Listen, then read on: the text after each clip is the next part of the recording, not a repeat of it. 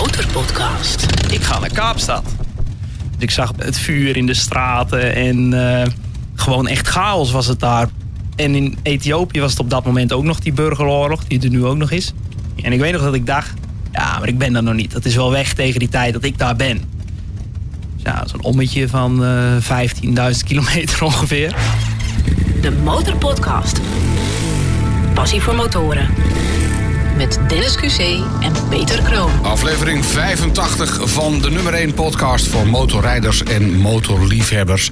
Met zo dadelijk een gast die zichzelf moest injecteren tijdens een motortocht.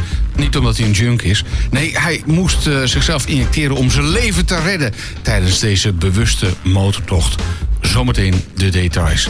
Maar eerst even onze eigen motormomenten. Dennis, jij Ja. hebt een waanzinnig Ik motormoment. heb wel een motormoment, ja. Want eh, als je de vorige aflevering hebt beluisterd, eh, onze pechaflevering bonus 13, dan weet je dat eh, heel voorzichtig toch de zoektocht naar een nieuwe motor voor mij is gestart. En de advertentie die mijn collega had doorgestuurd, die bracht mij bij Barbier Motorsport in Havelte. Dat is een eentje rijden vanuit de Randstad, maar ik had het er graag voor over. Want daar stond een prachtige Yamaha R1 uit eh, 2016. Nou, zoals racer. de vaste luisteraar weet, ik hou van racers. En mijn huidige motor komt uit 2010, dus die is een beetje aan vervanging toe. En ik ben klaar voor de 1000 cc, dus ik ben eh, naar Havelte geweest. Nou ja, mentaal had je dat ding een jaar geleden al gekocht. hè? Ja, ik heb het er vaak over, maar eh, Ja, het is gebeurd. dus nu fysiek ook. Ja, eventjes naar de showroom gereden, daar eh, eh, goed geholpen. Een hele fijne showroom, lekkere koffie. En ze hebben daar vooral, zeker als je van racemotoren houdt, ga er een keer kijken. Want er staan 400 motoren. Maar. En heel veel, eh, heel veel buikschuivers. Dus eh, ik moest mijn handen echt wel op de knip houden. Maar het is uiteindelijk de R1 geworden. Ja. Ehm, proefritje gemaakt, reed heerlijk. Ik heb de rijmodi ontdekt. Gelukkig ook de rijmodus die niet eh, mij van de weg af donderde. Maar eh, ja, ik, mm, kreeg hem nog niet mee, want ik moet nog een beurtje hebben. Dus ik krijg over een week of twee, als het mee zit. Oh jee. Ja, dan... eh, Twee lange ja, weken. dat zijn twee hele lange weken. Ik wilde hem eigenlijk ook meteen meenemen, maar eh, ja, ze doen er dan nog een beurtje tegenaan. Oké, er zit ook wheelie control op, hè? Ja, Dus er zit eh, wheelie control, traction control, alle controls zit erop. Eh, ja, het is een beest. Het is, eh, eh, wat is het, 200, eh, 200 pk, topsnelheid 299 kilometer. Nou, denk maar. ik niet dat ik die snel ga aantikken. Eh quickshifter zit erop, dus eh, ik ben Ah. weer helemaal race ready. Een fijn vooruitzicht. Even geduld hebben nog. De Motorpodcast.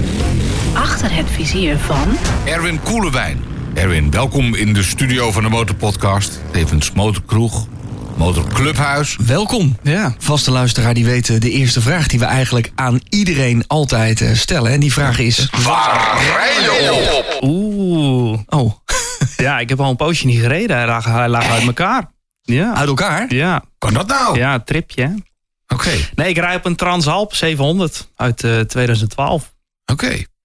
En daar heb je ook jou, eh, want we hebben jou uitgenodigd. een- Of eigenlijk heb je jezelf uitgenodigd. Dat mag ook, hè, bij Ja, de. Motorpodcast. Dat je gewoon zegt van, hallo eh, mannen, ik heb een goed verhaal. Eh, nou, en dan schuif je aan bij de microfoon. Zo werkt dat. Bij Ja, de. Motorpodcast. Dus Je moet vooraan staan, toch? ja, Ja, jij stuurde een DM'tje van... joh, ik heb, een, ik heb mijn baan opgezegd, ik heb een wereldreis gemaakt... met deze, deze avonturen onder andere. Nou, na twee regels hadden Peter en ik al zoiets van... deze man moet langskomen, want hier zit en motorpassie... en er zitten fantastische verhalen in, onder andere dat injecteren. Leg ons eerst even uit, waar is jouw motorpassie begonnen? Hoe lang rij je al? Nou, ik rij eigenlijk nog niet zo heel lang.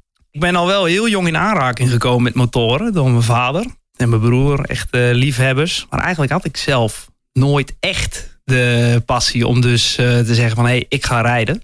Totdat ik een eh, reis wilde gaan maken en vrijheid wilde ervaren. En ja, hoe kun je dat nou beter doen dan op een motor? En dan dacht je van, ik, ik doe een reis, ik koop een motor. En Zeg mijn baan op. Ik, ik ga. Ja. Ja, ik, eh, ik had ook geen rijbewijs. Dus Oh. ik kreeg het idee, ik denk ja, ik wil, een, eh, ik wil een reis maken, ik wil uitdaging. Wat is nou een beter idee dan om vrijheid te ervaren dan Zuid-Afrika op de motor? Daar zeg je me wel even wat. Ik had geen rijbewijs en ik, eh, nou, ik heb zin om een, een tripje te maken. Ik bedoel, de meesten beginnen dan na een jaar eerst eens een rondje over de Veluwe, eh, zo ongeveer. En niet, eh, ik haal mijn motorrijbewijs, nou, ik doe eh, Zuid-Afrika. Ja. ja, voor mij wel. Voor mij was het uitdaging, spanning en eh, vrijheid ervaren. Ja, dan Ja. kies je. Dus ik zette een doel. Mijn doel was Zuid-Afrika. Ja. Ja, en dan is het op een gegeven moment, ja, wat heb ik dan nodig allemaal? Nou, Nou, rijbewijs, een rijbewijs. een motor.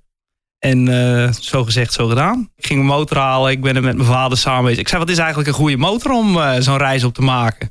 Hij zegt, ja, een Transalp is wel een, Leuk is, is wel een leuk fietsje voor jou. Dat zei hij, hè?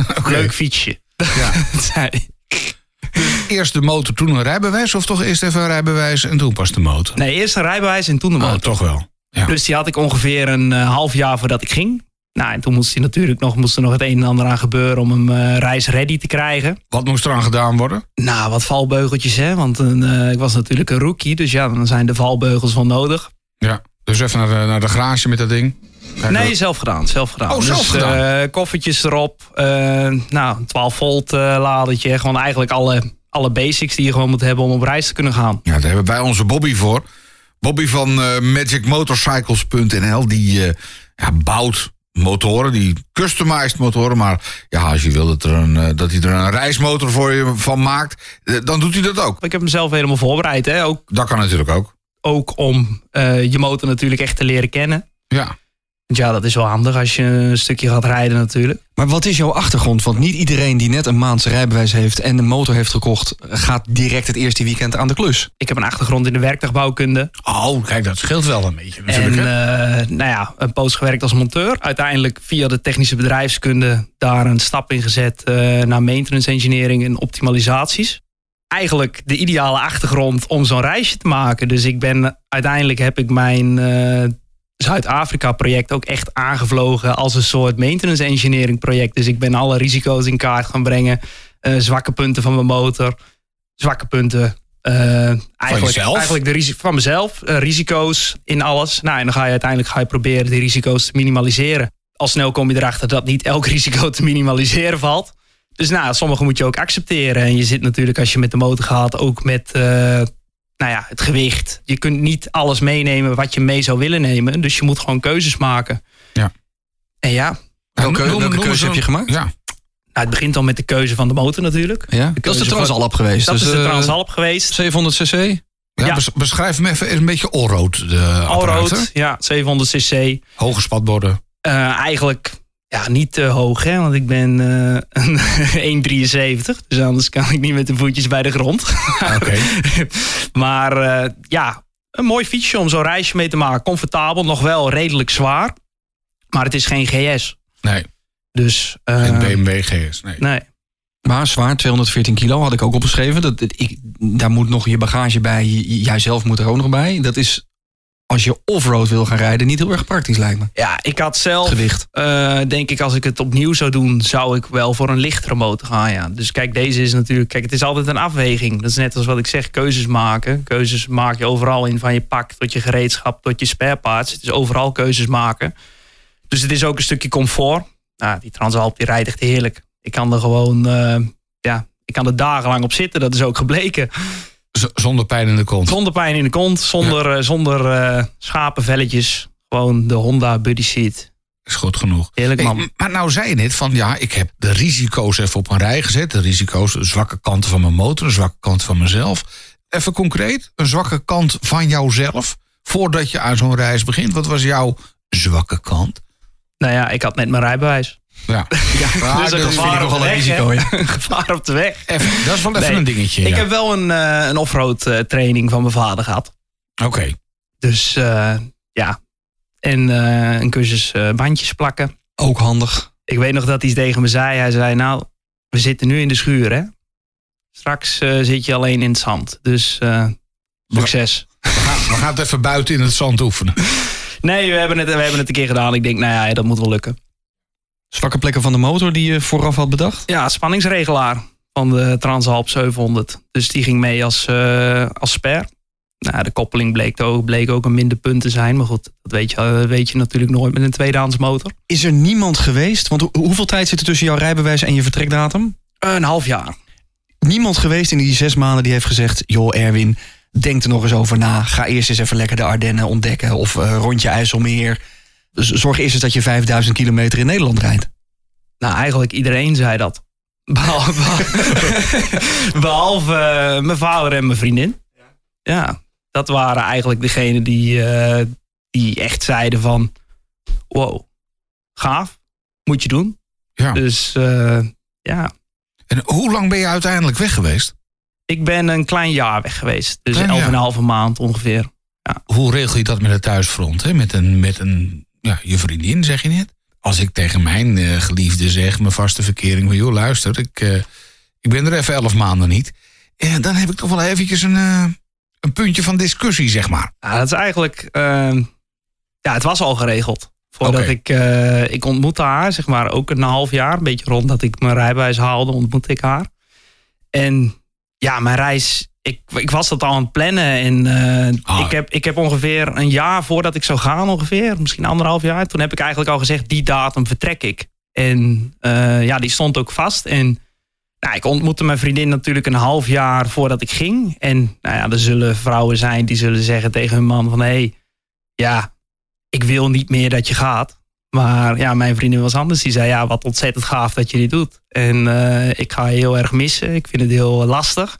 Maar ik vind het zo mooi dat je je dromen najaagt. En eh, ik denk dat dat uiteindelijk wel eh, de kern is ook van een goede relatie.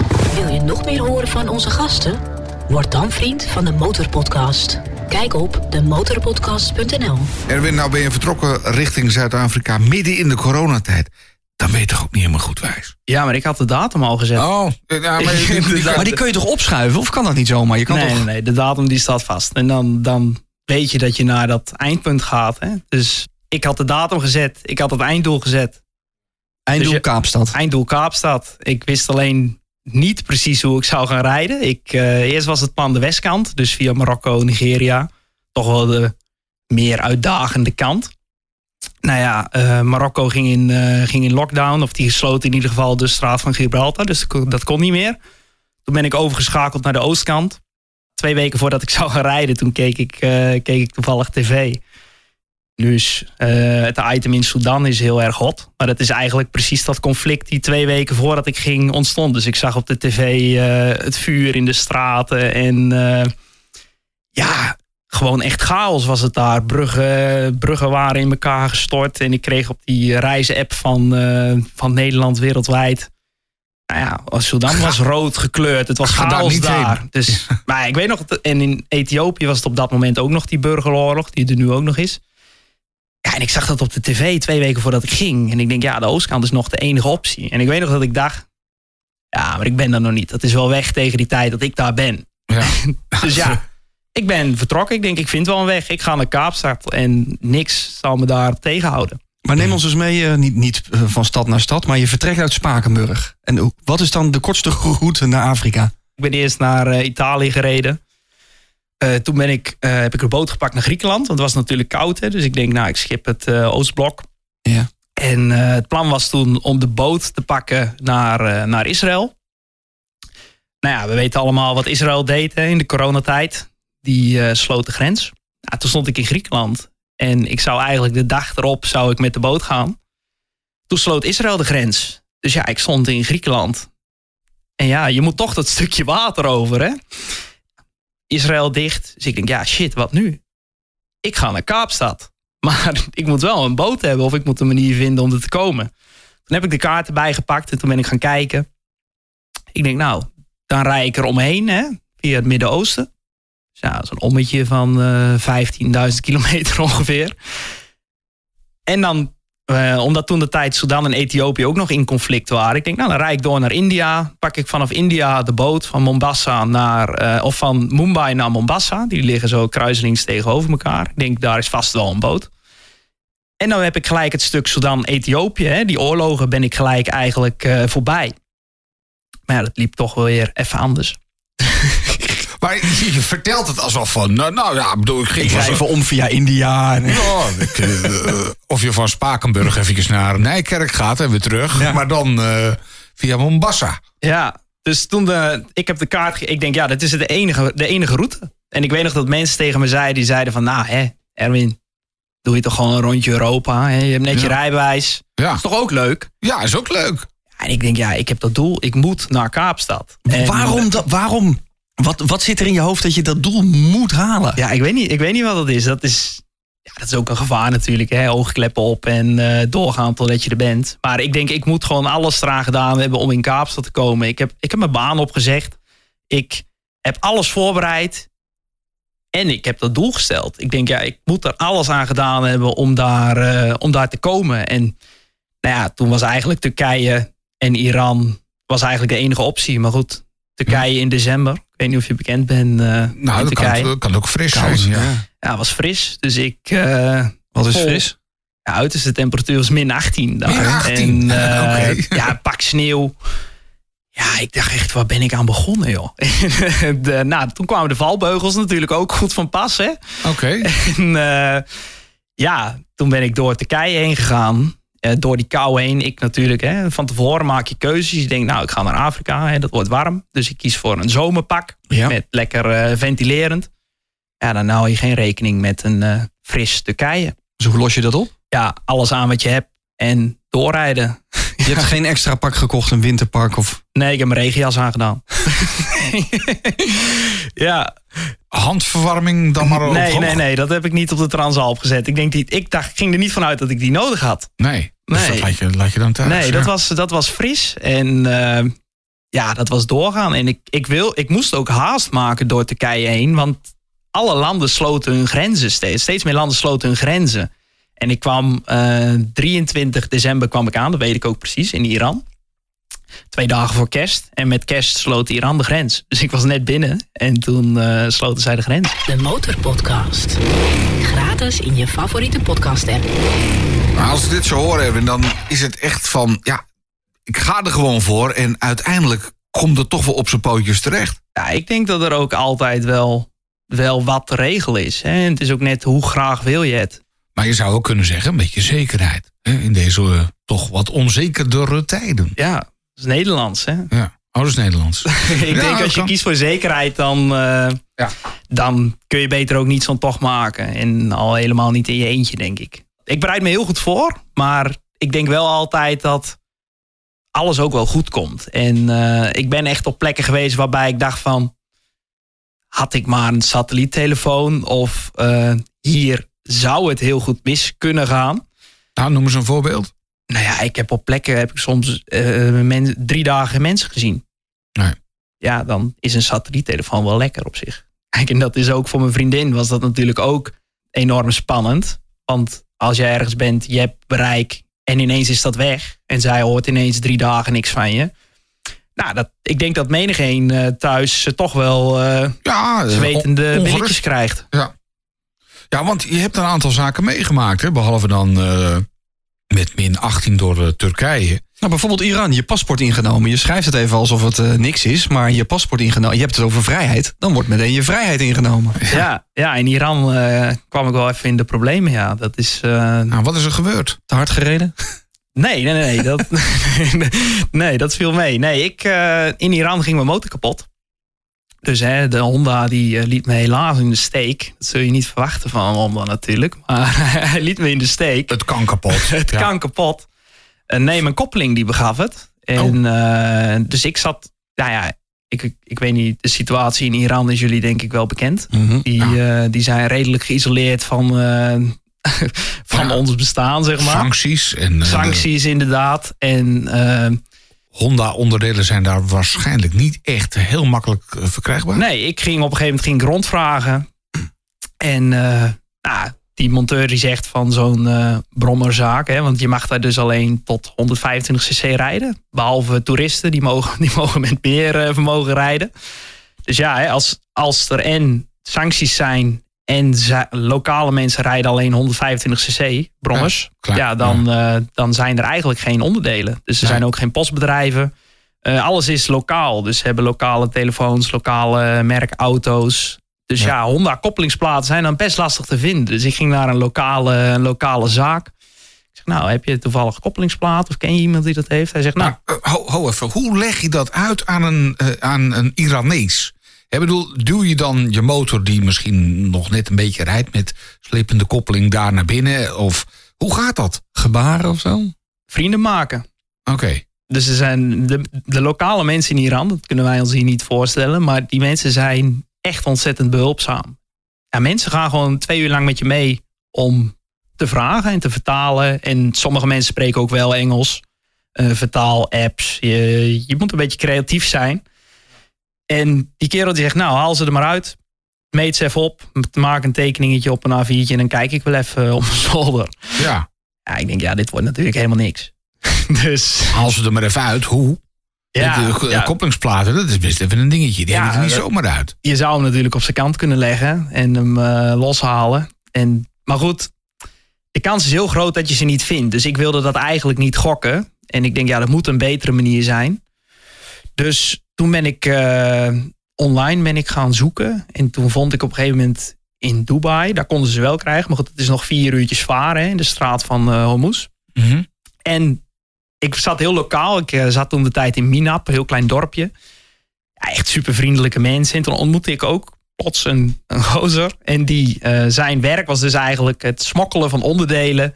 Oh, nou, onderdelen niet eens specifiek, maar het smokkelen van spullen van Dubai naar Iran. Maar dat staat niet op zijn voorhoofd. En ik denk Nee. niet bij het eerste gesprek dat hij zegt... nou, weet je wat ik doe? Ik... eh, nou, eh. Nee, ja, dat zijn dus. eh, ja, dat is dus ook zo gaaf. Hè? Als je dan alleen op pad bent. Het is niet alleen maar eh, je moet je motor kunnen repareren, je moet kunnen rijden. Maar het zijn ook gewoon sociale skills die Ja. je ontwikkelt en die, eh, die je verder brengen. Dus je, je maakt gezellig een praatje, je komt mensen tegen.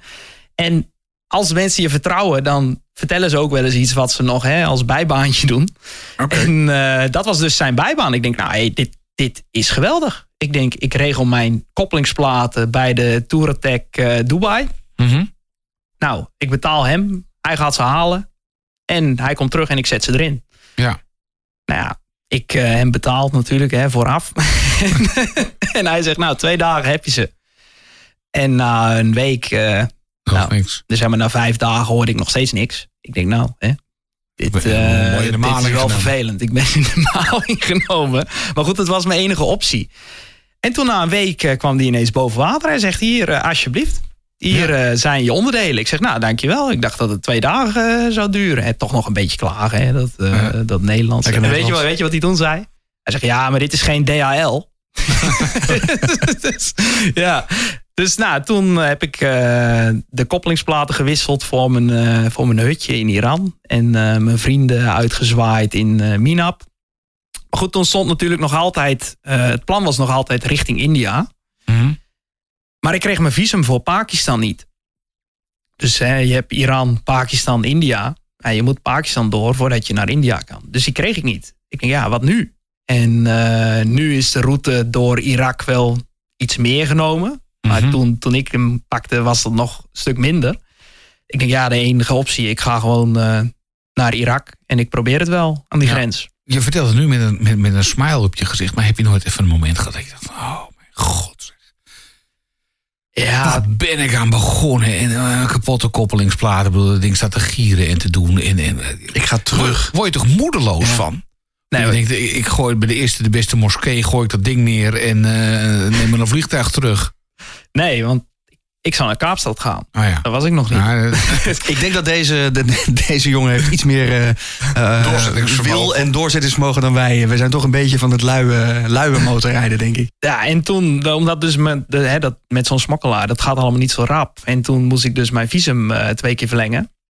En de eerste keer eh, ging dat allemaal prima. Maar de tweede keer zeiden ze in Iran, ja, dat gaan we niet doen, dus jij moet het land uit. Maar ja, mijn koppeling eh, was, nog, was nog kapot. Dus ik kon het land niet uit, want hè, ik had al best wel een stukje doorgereden met die slippende koppeling. Ja. Ja, dus allemaal deeltjes komen in je blok. En op een gegeven moment komt hij niet meer, eh, komt hij niet meer vooruit. Hè. Dus ik moest hem gemaakt hebben. Dus ik zei, ja, ik kan het land niet uit. Ze zeiden, ja, maar je moet het land uit. Ik zei, ja, maar ik kan er niet uit, want mijn motor. doet het niet. Hij zei, nou, hè, ehm, lever je paspoort maar in. En eh, dan gaan we dat dus even bekijken hoe dat, hoe dat verder gaat. In Iran eh, spreken ze over het algemeen niet heel goed Engels. Maar ik ontmoette dus ook weer een eh, jongen. Ja. Die zat aardig hoog in de rangorde en die ging eh, met mij mee. Die, die deed het woord in het Persisch en die, die ging overal met me mee naartoe. En als je dan terugdenkt, als jij hier iemand ontmoet in Nederland, hè, je hebt het al als iemand de moeite heeft met een treinkaartje kopen, dan Ja. lopen we allemaal door. Dan denken we, nou, hè, zoek het uit. Ja. Toch? Maar daar, daar als je langs de weg loopt, dan stoppen ze gewoon, zeggen ze, moet je een lift? Gewoon vriendelijk. En Ja. stoppen ze gewoon, helpen ze je. En als jij, ja, daar kunnen wij echt zoveel van leren, joh. Hoe, hoe zij daar leven, hoe zij mensen helpen. En zo ben ik dus twee keer over eh, geholpen door de locals. Ja. Nooit even een moment gedacht van ja, hallo, hoe zijn ze wel te vertrouwen? Ik bedoel, eh, k- kijk naar het eh, gemiddelde nieuws. Irakezen, Iranezen. Het zijn de meest eh, verschrikkelijke types als je hier de, de media moet geloven. Ja, als je hier de media moet geloven wel, ja. nee, dat, dat blijkt maar weer. Hè. Je moet niet alles geloven wat je ziet. En eh, ja, ik denk als je zo'n reis maakt, dan moet je vertrouwen hebben. De Motorpodcast. Waar heb je overnacht? Hotels, tentje? Ja, dat is dus ook een keuze, een keuze die je maakt vooraf. Hè. Neem je een tent mee of niet? Had je een tent bij? Ik had een tent bij me. Ja, dat is voor mij. Ik zag dat helemaal voor me voordat ik ging. Ehm, ja, zo'n eindeloos uitzicht, weet je wel, met een eh, dalende zon en dan dat je daar voor je tent zit. Ja, ik had een, eh, ik had een uh, inklapbaar stoeltje bij me, een tent en een brander. Hè? Dan kon je nog eens een keer een uh, kipfilet of een paar kippenvleugels bakken. Ja, dat is, dan zit je voor je tent. Dat is, toch, dat is toch het meest fantastische wat je kan hebben. Als je dan zo'n reis maakt, hè, dan zet je lekker een muziekje aan en dan kijk je naar dat eindeloze uitzicht. En ja, ik denk dat dat een vijf sterren hotel is. Als, je, als je daar op je luchtbedje ligt. Ja, dat, kijk, in de ochtend is dat iets minder comfortabel. Maar hè, dan, uh, dan moet je je wel even twee keer uitstrekken. Maar ja, dat is toch fantastisch. Kijk, ik heb ook wel eens een keer, ik heb ook wel eens een guesthouse gepakt. Of je pakt een keer een hotel. Uh, voor zover je het een hotel mag noemen. Maar ook gewoon kamperen, wild kamperen. Ja, Kijk, uiteindelijk is het ook een keuze die je maakt. Hè? Als jij zegt van, hé, hey, ik neem geen tent mee, ben je een stuk lichter. Want ja. je hoeft al het gewicht niet uh, mee te sjouwen. Maar goed, als jij, een, uh, als jij een lekker band krijgt in de middle of nowhere. Ik uh, ga wel even in mijn tent liggen en dan zie ik dat morgenochtend wel. Plus dat het veel goedkoper is omdat je al die hotelkosten uitspaart. Ja, het scheelt uiteindelijk natuurlijk ook heel veel geld. Maar ja, een fijne hotelbar en een lekkere douche. Weet je, de hele dag door die woestijn gekart. Ja, je hebt twee anti-kampeerders tegenover je nu. ja? ja, wij zijn niet van het kamperen. Oh, oh, oh. Een fijn wc'tje hè, voor jezelf. Dat je even lekker... Nou ja, goed, ik zal niet in de schone doos. Ja, dat vind ik ook wel lekker hoor. Ja. maar ja, um, ja, het is uiteindelijk toch avontuur. Je gaat voor avontuur, uitdaging. Uh, je gaat voor dat alles. En voor mij was avontuur uh, toch wel met een tent. En ik, ik zou hem 100% weer meenemen als ik, uh, als ik weer zou gaan. De Motorpodcast. Aflevering 85 van de nummer 1 podcast voor motorrijders en motorliefhebbers. Met als hoofdgast Erwin Koelewijn. Jij kreeg uiteindelijk in uh, Iran je paspoort weer terug. We zitten nog niet eens in Afrika. Nee. Wat was jouw eerste Afrika experience? Experience, dat, dat Mijn eerste Afrika experience. Egypte dan, denk ik? Nou, ik draaide Toto, hè. Afrika. Die draaide ik al de hele tijd. Ik was, Oh. in, uh, ik was in Griekenland, toen draaide ik hem al. Ik denk, het gaat nu gebeuren. Goede voorbereiding.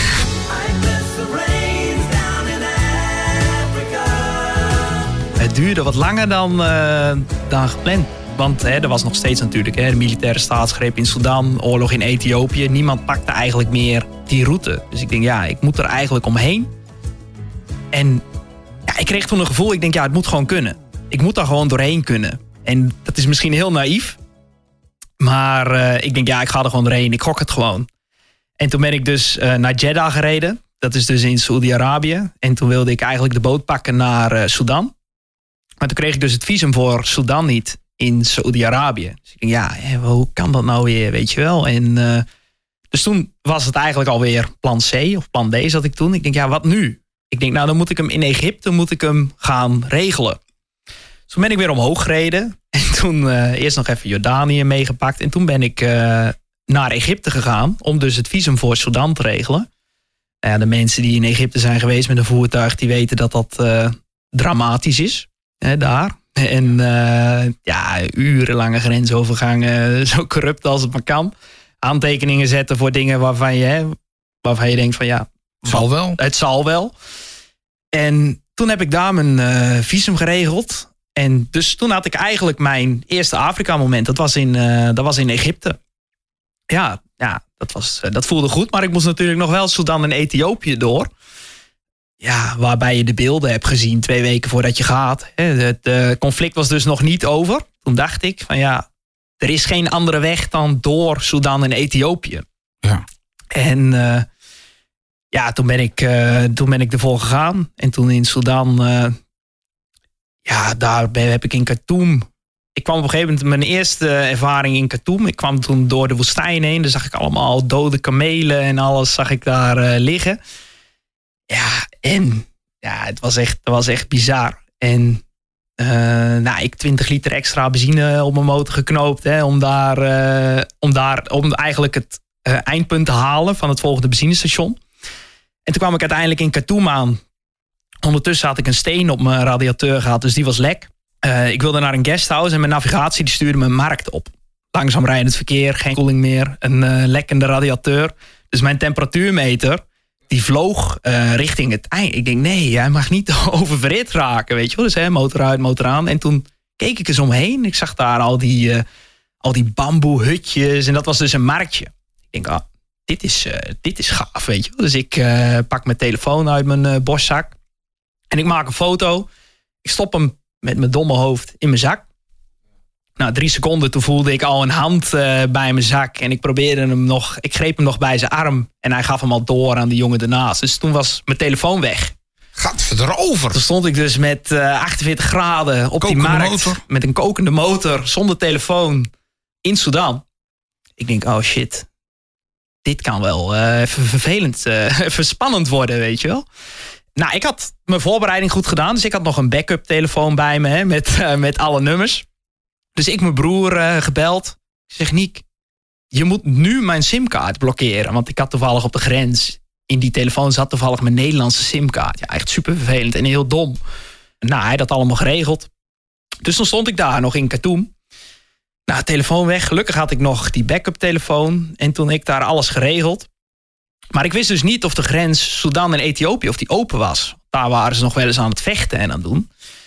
Nou, toen ging ik op een gegeven moment eh, richting de grens van Ethiopië. En toen was ik ongeveer 40 kilometer van de grens. En toen dacht ik, nou, even de laatste Soedanese ponden, even tanken. En toen kwam er een, eh, een kerel naar me toe. Ik stond bij de benzinepomp met een gescheurd eh, lichtblauw overhemd. Hij komt naar me toe, hij zegt, geef me je paspoort. Hoezo? Ja. Ik kijk hem zo aan en zeg, nou, die krijg je niet. Dus hij nog even wat eh, opdringeriger, geef me je paspoort. Ik zeg, ja, die krijg je niet. Dus nou ja, ik reken mijn benzine af. En ik wil mijn motor starten. En hij draait zo weer mijn sleutel om. Dus ik denk, oh, hm, dit is toch wel eh, vrij eh, serieus. Dus hij zegt, ja, ik ben van de FBI. ja, ja, serieus. Ik, dus ik zeg, de FBI? Ik zeg, ja, ik ben van de CIA. Dus, hè? dus ik draai mijn sleutel weer om. En eh, hij probeert weer mijn sleutel weer terug om te draaien. En ik geef een straal gas en ik ga er vandoor. Ik denk, hé, wat is dat nou weer voor een eh, vage gast? En toen reed ik dus richting de grens van eh, Ethiopië.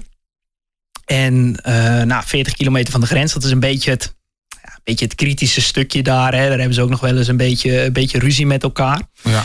Ja, weg helemaal bomvol met gaten. En ik stuitte daardoor al die gaten heen. En eh, op een gegeven moment breekt dus mijn koffer af. Ja, heel vervelend. Helemaal daar, hè, net die vage gasten tegengekomen. Dus ik stond daar langs de weg. Maar wacht even, eh, koffer eraf, de motor eh, enigszins oververhit van het gat in de radiateur. Eigen telefoon gejat. En ja, je zit hier nog steeds lachend te vertellen, maar ik, ik zou behoorlijk Nou, vloeken. FBI achter je aan. Toen werd het wel wat spannender, want ik ging natuurlijk naar. eh, nou, ik had op een gegeven moment dat gat in mijn radiateur, die had ik eh, gerepareerd met wat vloeibaar metaal. Dus dat gat eh, gedicht, die had ik toevallig ook bij me. En toen ging ik dus richting Ethiopië, want ik had nog 150 dollar cash. In Sudan kun je dus niet pinnen. Mijn koffer die brak dus af, dus ik was die met een spanband weer erop aan het eh, maken. En toen vloog er ineens zo'n pick-up truck. Zo uit zo'n slechte film, weet je wel. Die vloog zo voor me langs met eh, vier mannen in die, eh, in die pick-up bak. Nou, nogal zwaar bewapend. En die eh, vliegen naar me toe en die, eh, nou, die trekken mij half eh, nou, om. Ik denk, ja, doe even rustig, weet je wel. praat even normaal. Maar goed, dat konden ze eigenlijk niet. En ik moest mijn paspoort afgeven en ik moest terug. Dus ja, op dat moment, ik denk, wie zijn dit eigenlijk, weet je wel? En nou ja, ik kon eigenlijk niks meer natuurlijk, want mijn paspoort die was dus weer afgepakt, je belangrijkste document. Ik kon ze alleen maar volgen. Ik denk, hè? Maar zouden deze mannen dan misschien bij die man van dat tankstation horen?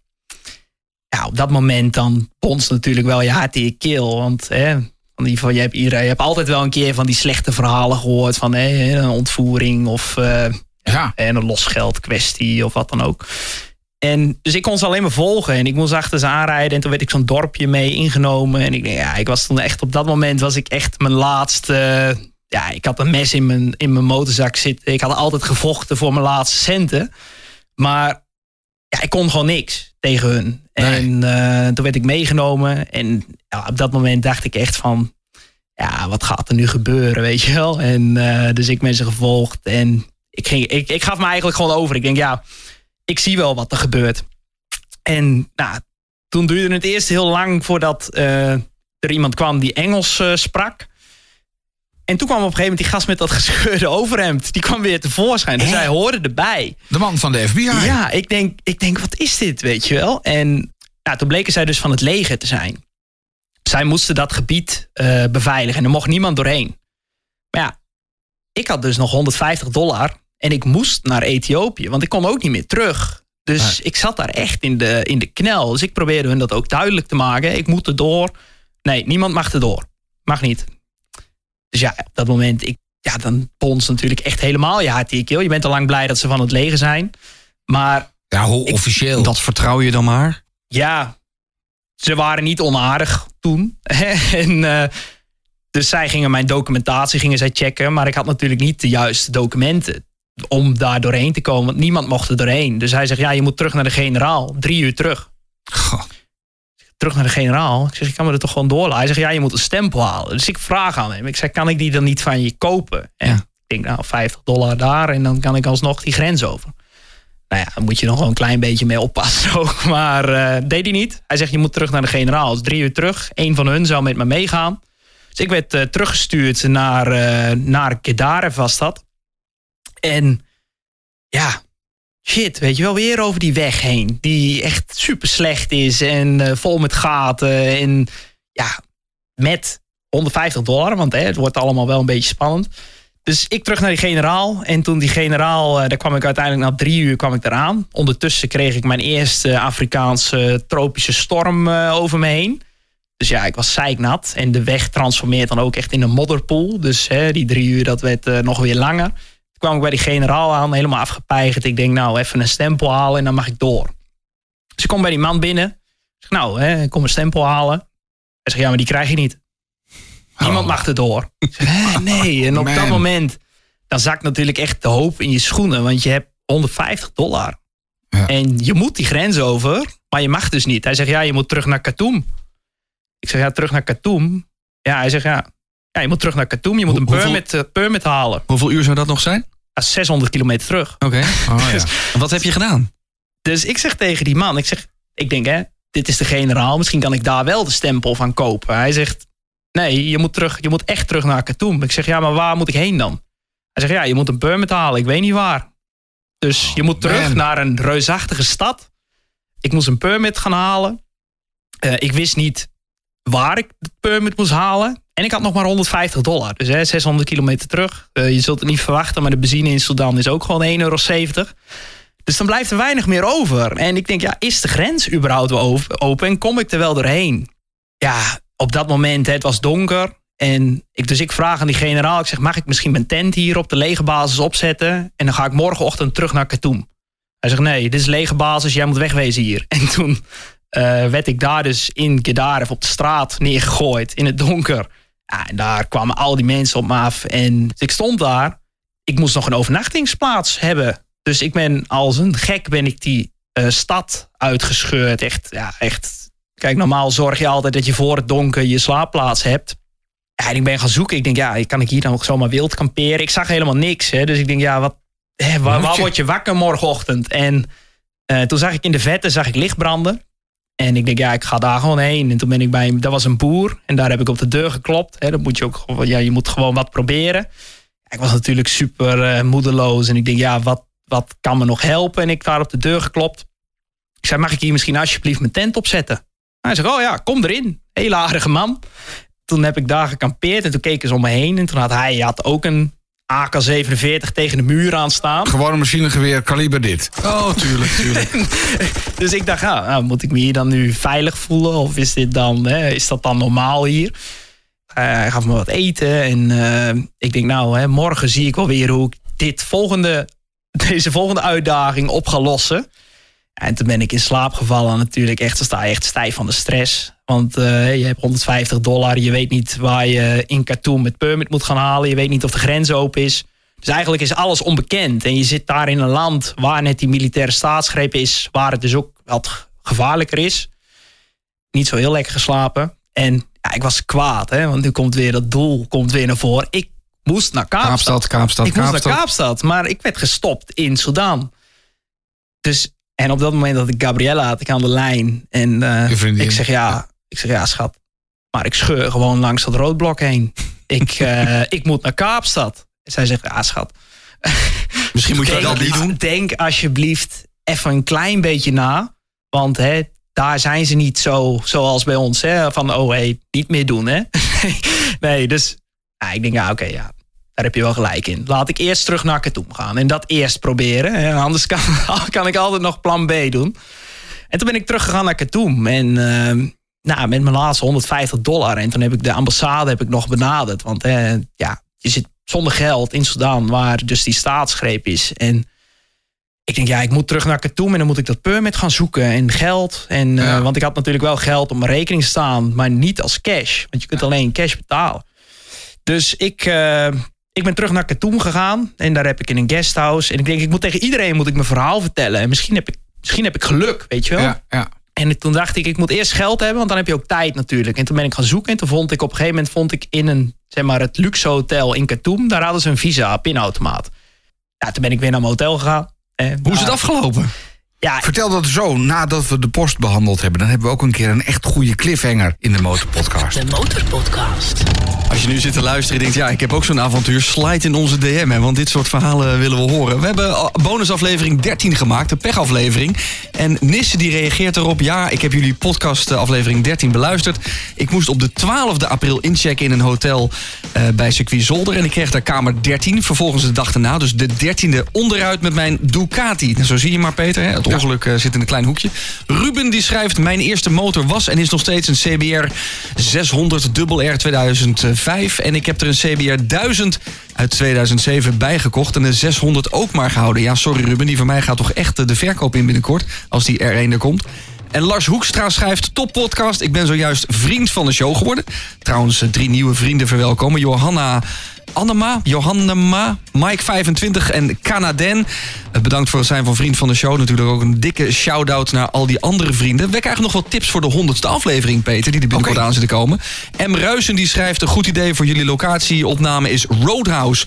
Met uitzicht op circuit Zolder. En Dennis die tipt ons nog over een eh, leuk restaurantje in Dordrecht. Het Bolwerk. Misschien is het leuk eh, om daarmee te gaan praten. Ja, onze honderdste zit eraan te komen binnenkort. Hou de komende aflevering in de gaten, want dan hoor je meer over die honderdste aflevering. De Motorpodcast. De nummer 1 podcast voor motorrijders en motorliefhebbers. Snel terug naar eh, Edwin Koelewijn, onze hoofdgast in deze Motorpodcast. We zitten in Katoen. we zitten in Is, Khartoum. is het goed gekomen? Ik was dus mijn verhaal aan het vertellen aan de eigenaar van het guesthouse. En ineens hoorde een, een man, die hoorde mij praten. En die zegt, oh, dat permit. Oh, Ja. die kan ik wel regelen. Oh. Oké, ja, hij zegt, ja, 50 dollar. Ik denk, nou, prima, goede deal. Hè? Mijn laatste centen. Maar als ik die heb, dan kom ik wel die grens over. En eh, nou ja, zo gezegd, zo gedaan. Hij eh, ging dat regelen. Toen ben ik, uiteindelijk ben ik daar die, eh, met dat permit, ben ik die grens overgekomen. En ja, dat was natuurlijk ook. en die, die gasten op die grens ook, die zeiden... Die hadden eigenlijk al, al jaren niemand meer bij die grens gezien. Want dat was de derde in, ik was de derde in twee jaar of zo die daar die, eh, die, daar die grens over ging. Dus ja, toen zat ik ineens in, eh, in Ethiopië. Ja, en Dat is wel een klein geluksmomentje, denk ja, dat was echt, dat was echt ongekend daar in Sudan. Ik had echt. eh, ja, je ziet dat ook terug op die foto's. Dan zie je ook hè, mijn lippen helemaal kapot. Je ziet ook hoe, hoe slecht ik er daaruit zie. Weet je wel? Het is echt eh, ja, stress en eh, spanning. En ik heb toen ook tegen mezelf gezegd: Ja, Erwin, voordat je ging, je vroeg om avontuur. Ja, dit was wel avontuur. dit was al je wel 10 uit gekregen, 10. ja. Of eigenlijk 11 uit 10. Maar 8 uit 10 is op zich ook prima. En, ja. Hey, je, je- hebt het over eh, je lichaam. Je, je was er toen niet zo goed aan toe. Maar je hebt het jezelf ook moeten injecteren ergens. Ja. Ho- hoezo dat? Want je hebt malaria gekregen. Ja, ik was in, eh, in Tanzania en ik had eigenlijk in Ethiopië zelf, dan dacht ik eigenlijk al een keer van hé, hey, ik, eh, ik heb malaria. Want voordat je gaat, hè, je maakt dus keuzes. Eh, je kunt preventief malaria medicijnen slikken. Maar goed, hè, haaruitval, nachtmerries, er zitten nog wel wat bijwerkingen aan. Dus ik koos er eigenlijk voor om een noodkuur mee te nemen. Dus in Ethiopië, ik voelde me heel gek. En toen dacht ik dus dat ik dat had. En toen heb ik gewoon die noodkuur genomen. Pilletjes. Ja, nood, eh, noodpillen. En nou ja, daarna eigenlijk geen eh, effecten meer. En toen kwam ik in Tanzania. Ik zou, zat zeg maar vlak voor de grens met Malawi. En ik dacht, nou hé, hey, even voor de grens wil je altijd even op adem komen. Hè? Want als je uitgeslapen bent, je bent, je bent uitgerust. Dan ben je ook wat weerbaarder tegen, tegen corrupt eh douaniers. En dus ik dacht, nou, ik pak even een guesthouse, even op adem komen en dan ga ik die grens over. En ehm, ja, ik kreeg een beetje hoofdpijn, ik voelde een beetje zweterig.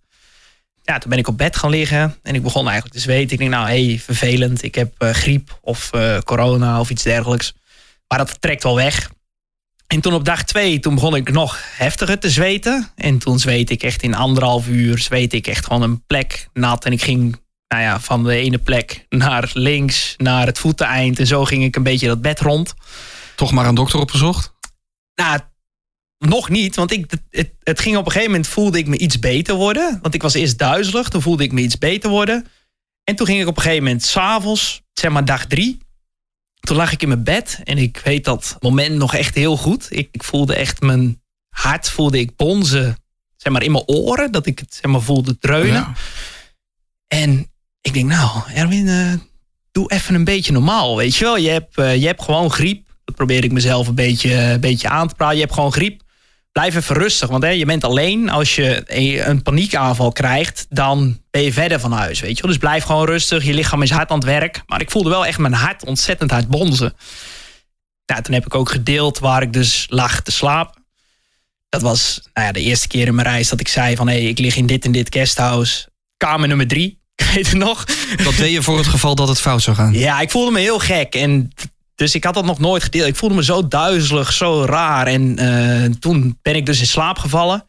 En toen werd ik wakker. En toen, eh, dat was zeg maar na drie uur, dat, ik, dat was zeg maar nog in de nacht. Toen werd ik wakker en toen wilde ik wat drinken. En nou, toen, schok, toen zat ik op de rand van mijn bed. En toen schokte mijn arm alleen nog maar. Ik kon hem dus niet meer normaal mijn rechterarm bewegen. En die schokte alleen nog. En op dat moment zat ik duizelig op mijn bed. En ik denk, nou, dit is geen griep. Dit is, eh, dit is eh, wel wat anders. Ja. En toen ben, ik, eh, toen ben ik op een gegeven moment de straat op gegaan. Toen ben ik gaan zoeken naar een, eh, naar een kliniek. Ik denk, ik moet hulp. Die mensen in het guesthouse, die konden me echt niet verstaan. En ze wisten denk ik niet wat ik bedoelde. Anders hadden ze vast wel eh, geholpen. Maar ik ben op straat ben ik gaan zoeken. En toen vond ik aan het einde van de straat vond ik een eh, kliniek. Want ik ging echt natuurlijk zwalkend over straat. Ben ik gaan zoeken naar die kliniek. En nou, met geluk vond ik die dus heel dichtbij. Nou, stond een hele rij en die dokter die zag mij en die zei gelijk: Oké, ja, kom maar naar voren. Dus ik was gelijk aan de beurt. En eh, nou, toen kwam ik daar binnen bij zo'n dokter en toen keek ik naar het plafond. En nou, een grote roestplek op dat plafond. En eh, allemaal een beetje houtje touwtje. En hij zegt: Oké, we gaan bloed eh, afnemen. Kreeg ik een handschoen om mijn arm heen geknoopt. En toen nam hij bloed van me af. Hij zegt: Nou, was echt een hele intelligente dokter. Die had een hele rekensom gemaakt. En hij zegt: Nou, je hebt eh, malaria en een vrij vergevorderd stadium. Nou ja, malaria die gaan dus uiteindelijk gaat dat je bloedvaten doen verstoppen. Dus die parasieten die vermenigvuldigen zich en dat wordt steeds erger. Dus hij zegt, we moeten medicijnen injecteren. Ik zeg, nou, oké. Doe maar. Ja. Doe maar. Ja, hè, jij bent dokter. Hij zegt, nou, je, we hebben ze. Dus eh, we, we gaan ze nu eh, injecteren. Want we moeten heel snel actie ondernemen. Ja, ik denk, ja, wat spuit je in? Kan mij het eigenlijk ook schelen. Heel, heel slecht. Heel veel slechter zal het er niet van worden. En eh, nou, toen hij dat gedaan. En toen zei hij, eh, het was op dat moment 11 uur s ochtends. Hij zegt, nou, je moet drie injecties. Dus over 12 uur eh, moet je weer een injectie. Dan is het 11 uur s'avonds. Maar ja, wij zijn dicht. Dus ja, moet je even zelf doen, zei hij. Dus nou, hij had dat voorgedaan. En hij zei, nou, je hebt vloeistof, je hebt poeder. Goed schudden, geen klontjes. En dan in je ader injecteren.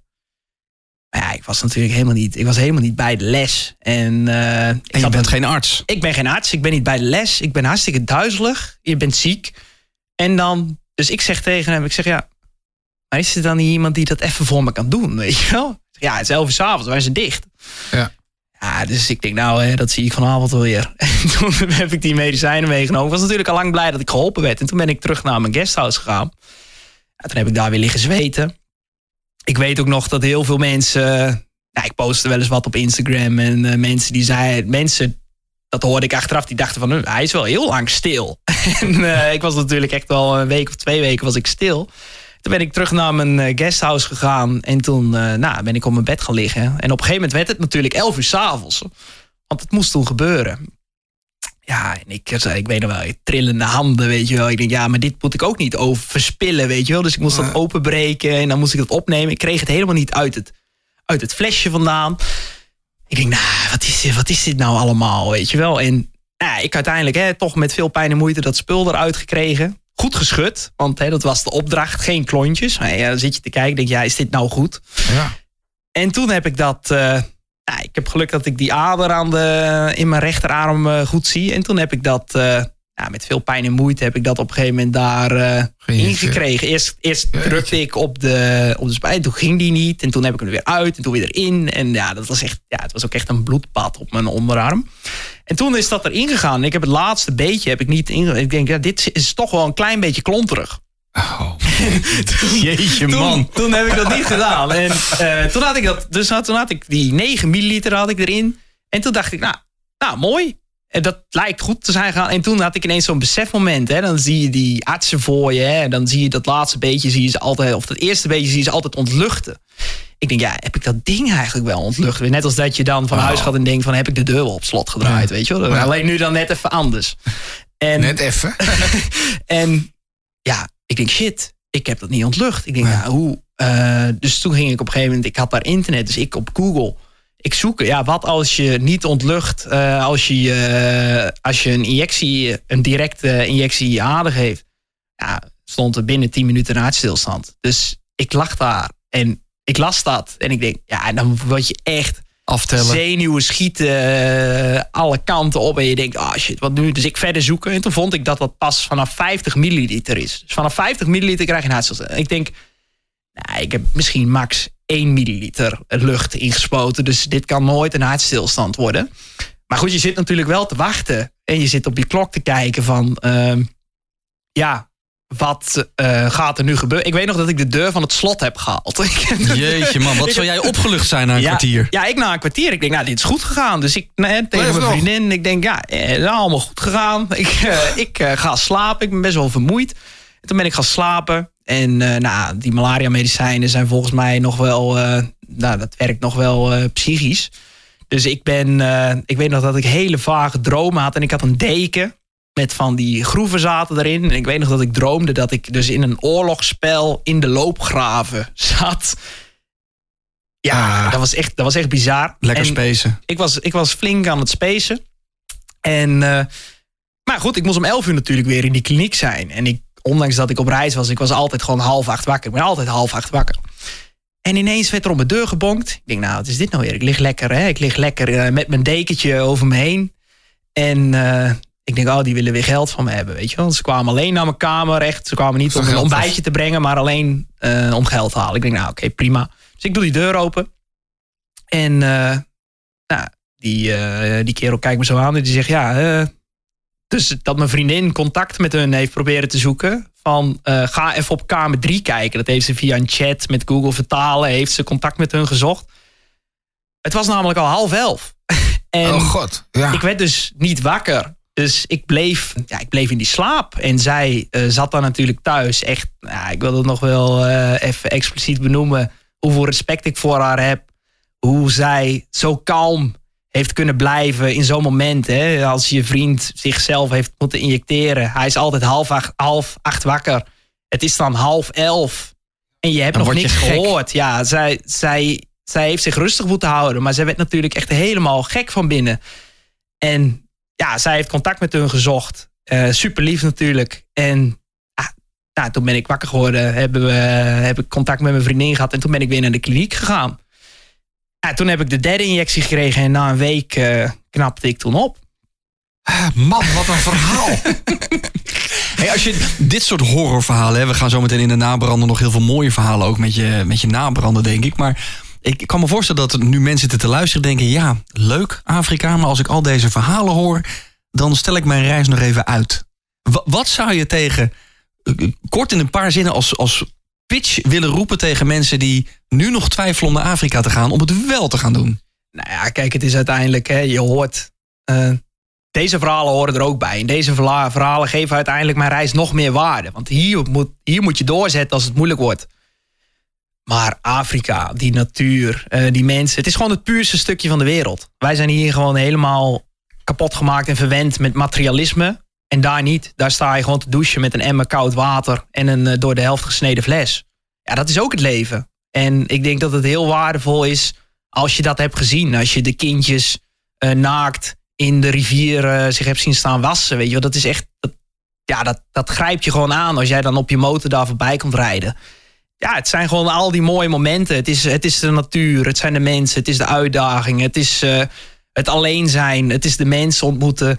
Het, Zo'n reis heeft het gewoon allemaal. Maar goed, er horen ook uitdagingen bij. En ik denk wel, kijk, op Instagram zie je alle mooie verhalen van mensen, alle mooie foto's. eh, maar uiteindelijk, ja, dit is het ook. Dit zijn, dit is het, het, dat is ook waarom ik dus alleen ging. Het zoeken van oplossingen op momenten dat het lastig wordt. Hier in Nederland heb je gewoon alles. Hè? Oh, je hebt een lekke band. Oh, je, Breng hem even je, weg. Je, Ja. je koppeling is stuk. Eh, de- er, is, er is iets, oké, breng hem even weg. Je weet de weg.